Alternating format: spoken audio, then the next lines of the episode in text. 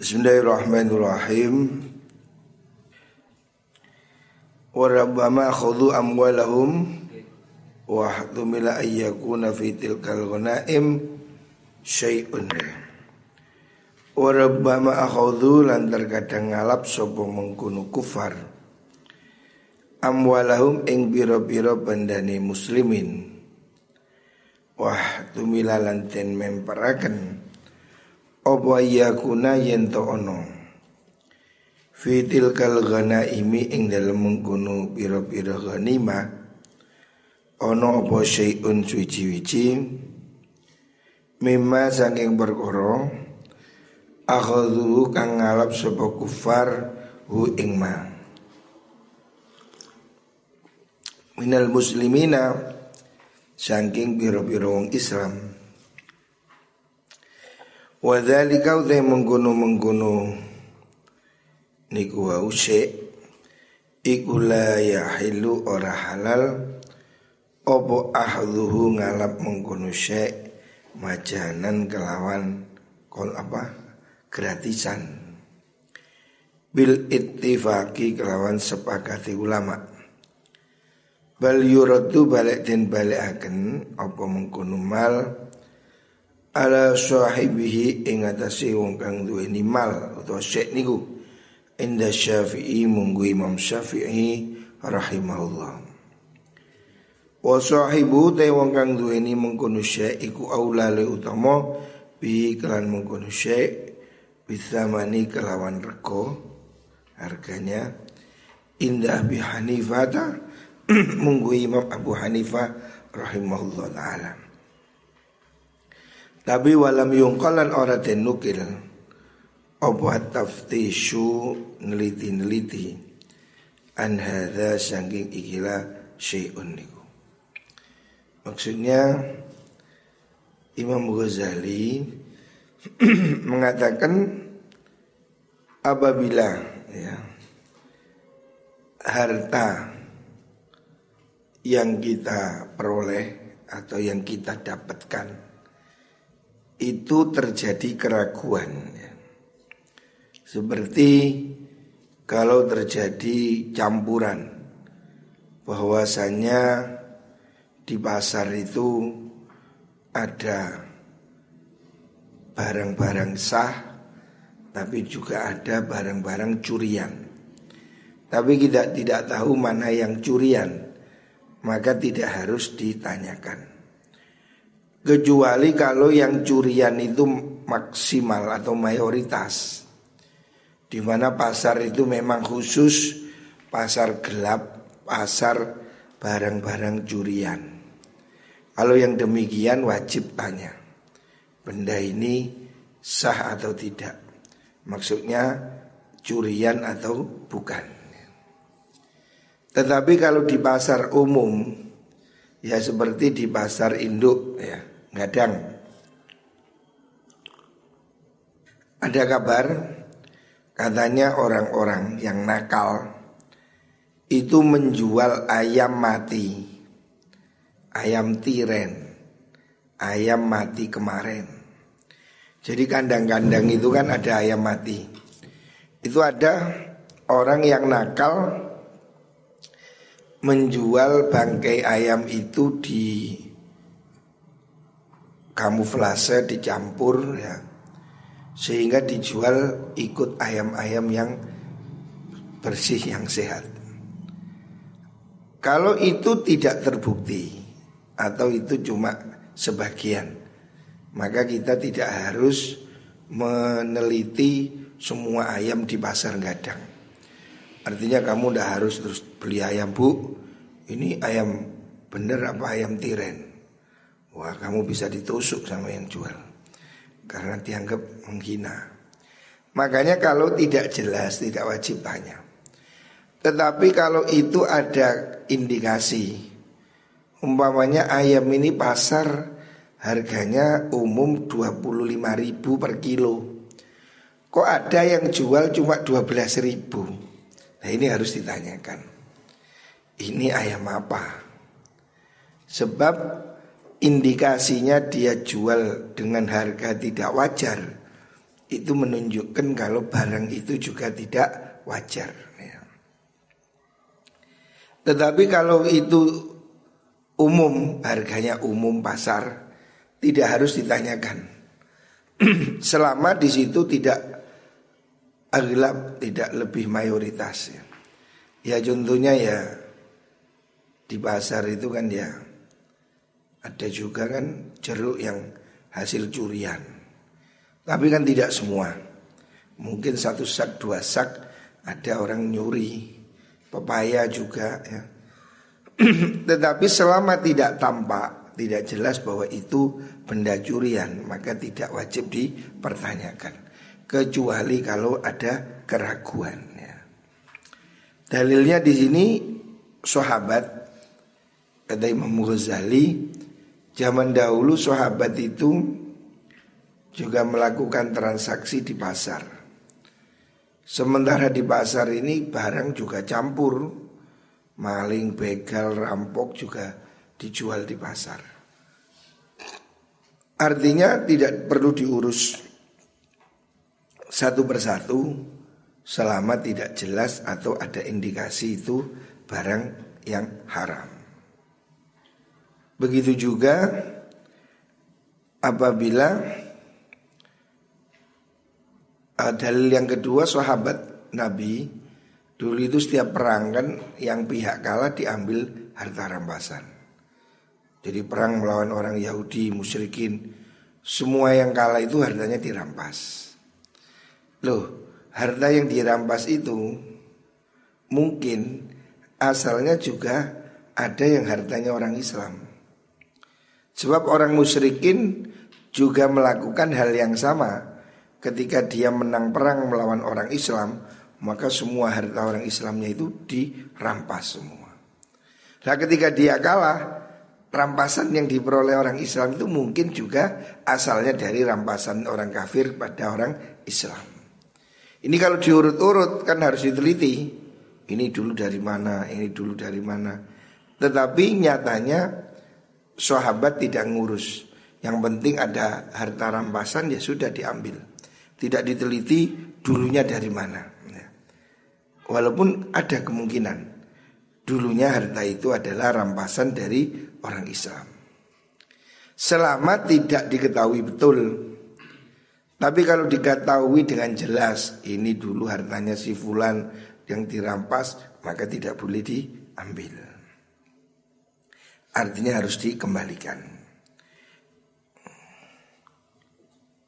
Walam yungkol lan ora den nukil Khotuba berpisan Obat taftishu niti niti neliti neliti An hadha sangking ikilah syekh Pada contoh itu sahabat tidak meneliti Wa katabalan nulis nulis surat sinten Umar Sayyidina Umar radhiyallahu anhu Ida ila azri baijan maring negara Azerbaijan. Sekarang masih ada. Azerbaijan itu daerah Rusia. Ya. Sayyidina Umar mengirim surat Innakum setuin sirokabe iku fi bilatin ing dalem piro-piro negara tudbahu kang den beleh fiha ing dalem bilat op almitatu batang Sayyidina Umar ngingatkan di Azerbaijan waktu itu orang-orang menyembelih hewan yang sudah jadi bangkai. Fanzuru mongko ningalono sira kabeh ningalono zakiyahu ing hewan kang den sembelih den sembelih niku wau Azerbaijan min maitihi saking badange mengkono kaum Azerbaijan niku. Adina ngidini sapa Sayyidina Umar visuali ing dalam takon wa amara lan perintah sapa Sayyidina Umar bihi klan mengkono soal tapi walam yakmur lan ora perintah sapa Umar bisuali kelawan takon anid darohimi saking piro-piro dirham. Allati hiya kang utawi mungkun darohim iku asmanuha piro-piro mata uang. Saman itu ongkos mata uangnya mengkuno bilat Lianna aktsara darahimihim sudune ake-ake dirhami mengkuno mengkuno kaum Azerbaijan niku. Il kulam takun ora ono opo asman? Iku asmanal napa niku? Juludi piro-piro rego saking kulit. Maksudnya ada juga yang terbuat dari apa mata uang itu barteran dengan kulit wa ingkanat senajan ono po asman iya yo mengkuno julut niku iku tubau dentol apa mengkuno julut wa aksarul julut itu ake mengkuno kulit iku kana ono sopo aksarul julut iku kadzalika kaya mengkuno maitah.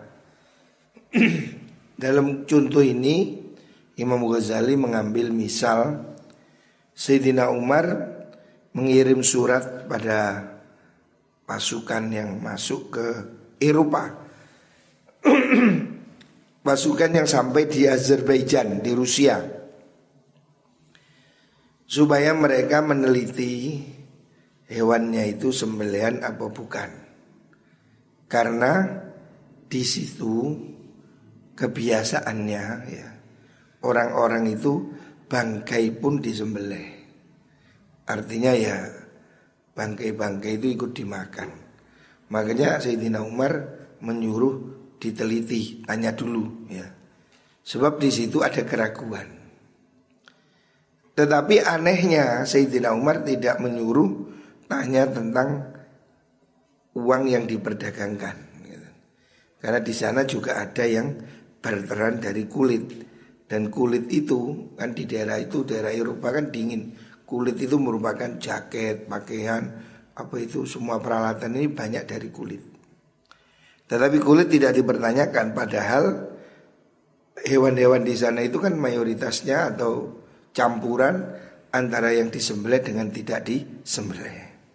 Jadi Ibnu Umar tapi tidak ngurus tentang masalah kulit. Artinya kulit soal kulit itu di, dikesampingkan karena itu kebutuhan. Tetapi kalau makanan Sayyidina Umar menyuruh tanya supaya tidak keliru karena ada keraguan. Wa kadzalika kaya mengkono Ibnu Umar, sahabat Umar, ola dawu sapa Ibnu Mas'ud radhiyallahu an. Innakum sunni sira kabeh iku fi biladin ing dalem negara. Aksaru biha utawi luwi akeh piro-piro jagal tukang sembelihane bilat. Iku al majusu wong majusi. Majusi ini penyembah api. Fanzuru mongko ningalano sira kabeh Azakiya ing kewan kang den napa niku den sembelih. Minal mitati saking kewan kang badang bangkai Fahusso mongko den tentuaken bil aksari kelawan mayoritas karena ada keraguan mayoritas bangkai. Den tentuaken opwal amru perintah bisu ali kelawan takon. Artinya dalam dua contoh itu Sayyidina Umar juga Imam Ibnu Mas'ud menyuruh orang supaya tanya hewannya itu disembelih apa tidak. Sebab di situ ya, dalam kasus yang kedua, orang-orang penyembelih jagal-jagal itu pada saat itu di daerah itu mayoritas orang majusi. Sedangkan orang majusi itu sembelihannya tidak sah. Karena orang majusi itu bukan termasuk ahli kitab. Jadi soal sembelihan sembelian orang non muslim orang Yahudi Nasrani itu diperbolehkan kalau memang disembelih. Dan mereka itu tergolong ahlul kitab. Maksudnya ahlul kitab itu mereka yang masih berpegangan pada tradisi Kristen atau Yahudi yang asli. Artinya orang Yahudi sampai hari ini kata teman saya itu ya seperti kita disembelih. Istilahnya kalau di Amerika itu koser. Jadi orang Yahudi itu komunitas Yahudi juga menyembelih. Tidak mau hewan yang tidak disembelih. Makanya pendapat ulama orang non muslim kalau Yahudi dan Nasrani itu bila nyembelih itu boleh sembelihannya dimakan. Kalau itu Yahudi atau Nasrani yang orsinil Bukan orang murtad. Kalau seperti di Indonesia ini kan rata-rata orang murtad. Tidak asli. Asalnya Islam Berpindah menjadi Kristen. Nah ini namanya Kristen yang hasil murtad. Maka tidak sah sembelihannya. Dan tidak sah pernikahan Dengan orang Islam. Tapi orang Yahudi dan Nasrani yang di Bethlehem yang di mana Palestina yang di Eropa mungkin yang asli turun temurun memang Kristen atau Yahudi asli. Itu sembelihannya masih boleh. Dan boleh menikah dengan orang Islam. Kalau yang Muslim ini yang laki-laki. Kalau yang Muslimnya perempuan Muslimah tidak boleh. Ya beda. Jadi perkawinan beda agama. Kalau wanitanya muslimah Maka tidak boleh menikah dengan non muslim Tetapi kalau laki-lakinya muslim Boleh menikah dengan non muslim Tapi non muslim yang asli Yang ahlul kitab. Maksudnya ahlul kitab itu ya Yahudi Nasrani. Kalau non muslimnya itu Buddha, Hindu, Konghucu Itu tidak. Karena apa? Mereka bukan ahlil kitab. Sama dengan majusi. Jadi non muslim itu ada yang ada yang ahlul kitab, ada yang bukan ahlul kitab. Lalu yang ahlul kitab ini masih boleh dinikahi, sembelihannya masih diterima. Kalau memang dia asli ya, bukan produk murtad.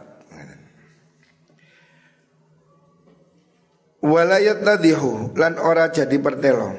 Apa maksudu hadal babi maksudnya ikilah bab Illa bidzikri suarin angin klan nutur piro-piro contoh Wa fardhi masaila lan ngiro-ngiro piro-piro masalah. Yak suruh kang ake opo wuku hatumi bani mengkun masalah Fil adati dalam piro-piro kebiasaan. Fal nufridha mongko becik ngira-ngira akan ingsun Ha ing mengkunu masail. Imam Ghazali dalam ikhya ini karena memang waktunya cukup ya sehingga uraiannya itu panjang Dari pembahasan yang kedua Tentang keraguan sebab perolehan harta. Itu kan Imam Ghazali memberi garis ya. Kalau tercampur harta halal dan haram Dan tidak bisa dikenali Maka itu hukumnya boleh Tetap dilakukan transaksi. Tetapi kalau haramnya itu mayoritas Atau dicurigai ada indikasi itu haram, maka tidak boleh dilakukan transaksi. Baik itu jual beli atau apa itu hibah ya. Pokoknya kalau kamu tahu ini benda hasil nyolong. Apa itulah? Ayam atau apa saja. Orang itu memang betul-betul nyolong. Terus dijual. Kamu tahu itu hasil nyolong, tidak boleh kamu beli. Ini loh, umpamanya ada orang nyolong apa itu benda apa. Ya contoh yang gampang ini minuman ini santri.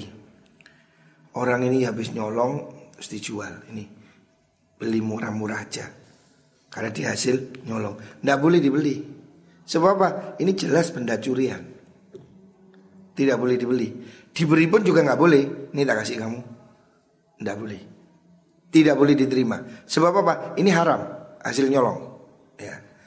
Tapi kalau tidak jelas bahwa kemarin ada truk box isi air kontainer guling, umpamanya di krebet.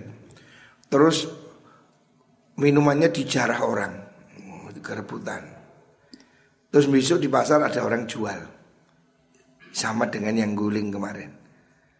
Maka ini kalau memang dikenali, oh ini hasil jaran, nggak boleh dibeli. Tapi kalau campur, di situ ya ada memang orang yang jual merek umum ya, merek aqua, kan semua orang juga jual. Yang dijarah itu juga mereknya kebetulan sama. Lah kalau tidak dikenali, tidak ada itu boleh kita tetap beli ya beli wajar. Tapi kalau itu memang jelas dikenali bahwa minuman jenis ini tidak beredar. Ada yang beredar itu karena hasil pencurian, maka tidak boleh dibeli karena apa? Jelas itu hasil mencuri. Tetapi kalau campur hasil curian dengan non curian itu di pasar sudah tidak bisa dikenali, tidak harus tanya. Ya, ya mana saja boleh dibeli. Ya. Intinya kalau kamu tidak ada keraguan dan tidak ada indikasi, tidak harus bertanya. Tetapi kalau itu meragukan atau ada indikasinya, harus dijauhi, wajib tanya. Ada orang jual ini aku wahai santri kok murah. Ini pasarnya 2000 kok dijual 1000. Tanya kenapa kok murah? Ya, harus tahu jelas. Gak mungkin kan ini. Kalau orang bilang ini anu kemarin hasil jarahan, yuk jangan dibeli walaupun murah. Sebab kamu tahu itu tidak halal. Nah ini ada beberapa contoh yang lain yang disebutkan oleh Imam Ghazali. Mas'alatun rupani. Ayhadi mas'alatun. Contoh masalah. Saksun te wong suwiji muayyanun kang tertentu. Kholaton nyampur sapa sahes malau ing bondone sahes al haram kang haram mitla ayyuba'a. Contone yen to dentol ala dukanin ing atase suwiji toko apa to amun panganan maksubun kang den khosok au malun utawa bondo manhubun kang den rampok ini harta rampokan wa mithlu ayakuna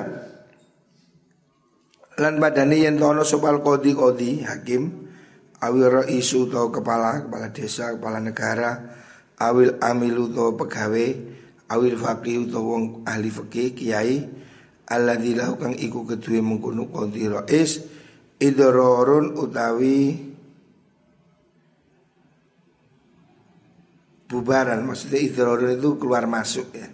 Dia itu ngelipet ala sultanin ing atase sultan zolimin kang zolim umpamanya ini ada koruptor. Hartanya itu kan dia bercampur dengan keharuman ya. Lau iku lang iku kedue mengkono mengkono kodi ilah aidon halimane malun utai bondo maurusun kang den waris. Awil fakih alladhi Oh, lagi memiliki sare auradun. Oh, niku lafate wae, napa? Idrorun. Penggawe manane lagi memiliki alladzi lahu idrorun. Tapi kalau di syarahnya itu auradun. Ini ada beda beda redaksi. Idror. Tapi sama aja. Idror itu artinya kebiasaan, mupeng ya.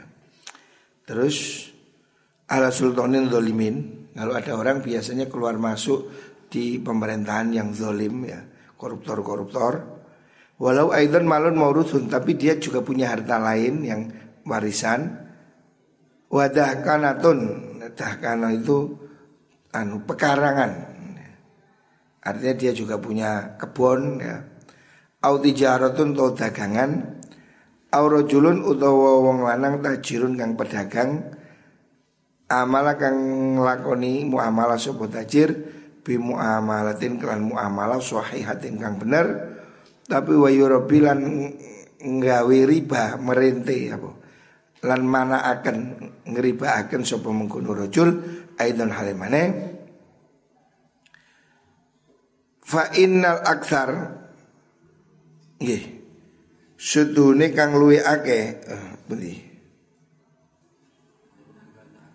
fa ingkana kurang. Fa ingkana lamun ono opwal aksaru kang luwe ake min mali saking bondone mengkono rojul iku haramun haram ya. Kalau memang hartanya dia mayoritas haram ya maka ya tafsil. Kalau itu mayoritas harta orang itu haram, itu koruptor. Tapi dia juga punya kebun, punya kerjaan lain atau dia itu dagangannya campur. Yo dodol tahu, yo dodol whisky, campuran. ya dodol roti, ya dodol ganja. Orang yang hartanya ini campur. Ada halal, ada haram. Seperti pejabat, kan ya ada yang hasil korupsi, ada juga hasil dia bertani. Orang yang punya harta campur halal haram, maka ini tafsir beda-beda. Kalau mayoritasnya itu haram, ya, dia itu memang pekerjaan utamanya itu maling, sambilan nyupir. Berarti malingnya kan mayoritas. Maka falaya juzu mongkora wenang opal aklu mangan min diyafatihi sanging suguhani wong. Kita ndak boleh ikut disuguhi orang itu ndak boleh dimakan. Kalau kita tahu dia itu hartanya mayoritas haram. Jadi orang itu bandar togel. Ya mayoritas 90% kekayaannya dari pertogelan. Tapi juga punya toko, juga punya tani 10%. Kalau mayoritas hartanya itu haram, maka kita tidak boleh nerima pemberian dia.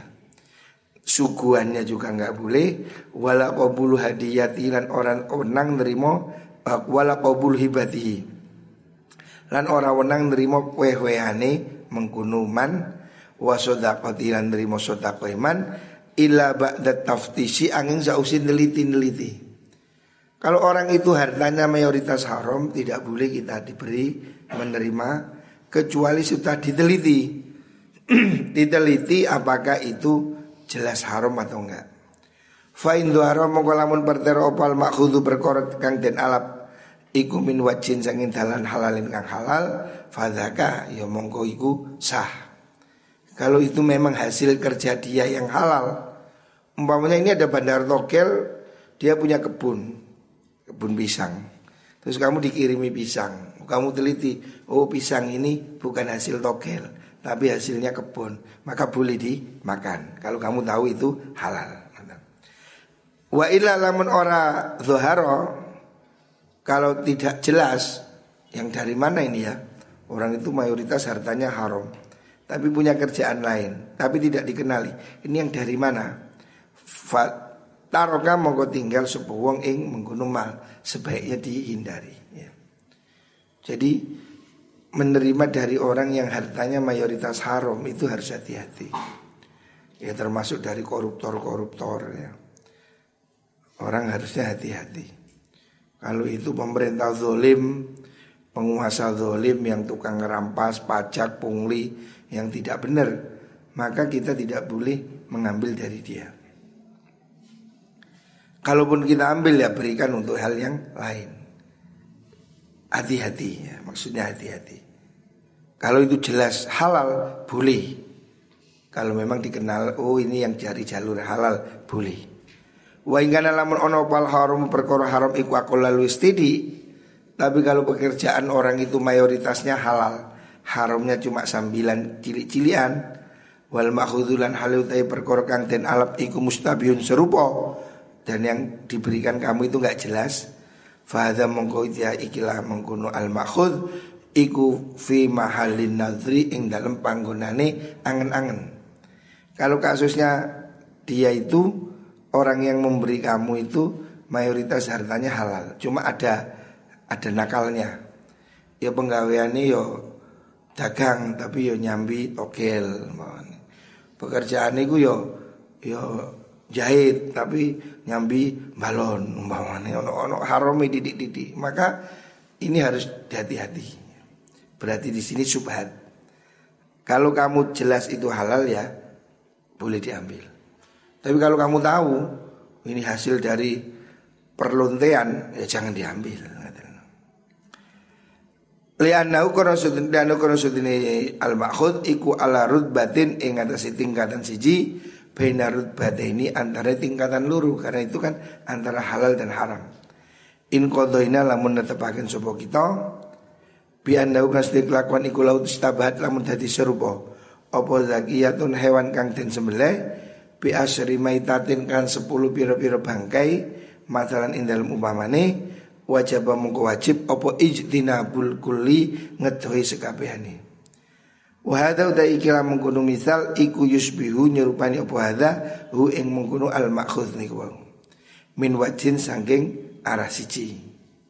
Karena kan kalau ada subhat umpamanya ini ada 10 ekor ayam. Yang satu sembelian, yang sembilan bangkai. Tapi wis diketok-ketok, wis campur. Tidak bisa dibedakan. Yang bangkai yang mana? Tapi yang jelas 10 ekor ini satunya halal, sembilan haram. Maka semuanya tidak boleh dipakai, semuanya nggak boleh dimakan. Karena apa? Mayoritas haram. Maka kamu tidak boleh milih. Karena apa? Tidak bisa dibedakan. Sehingga ya harus dijauhi semua. Lah, orang yang hartanya campur halal dan haram, yo tani, yo tokel, yo korupsi, yo yo apa guru apa negeri umpamanya. Ini kalau harta campur hukumnya seperti itu. Artinya satu sisi itu harus dijauhi. Kalau memang jelas atau ada indikasi. Tetapi kalau diketahui itu yang halal maka boleh. Ya tentunya dia itu pegawai negeri, tukang korupsi umpamanya. Tapi dia punya warisan kok dari bapaknya. Artinya hartanya ya ada yang halal. Kalau diketahui ini yang jalur halal, boleh diambil.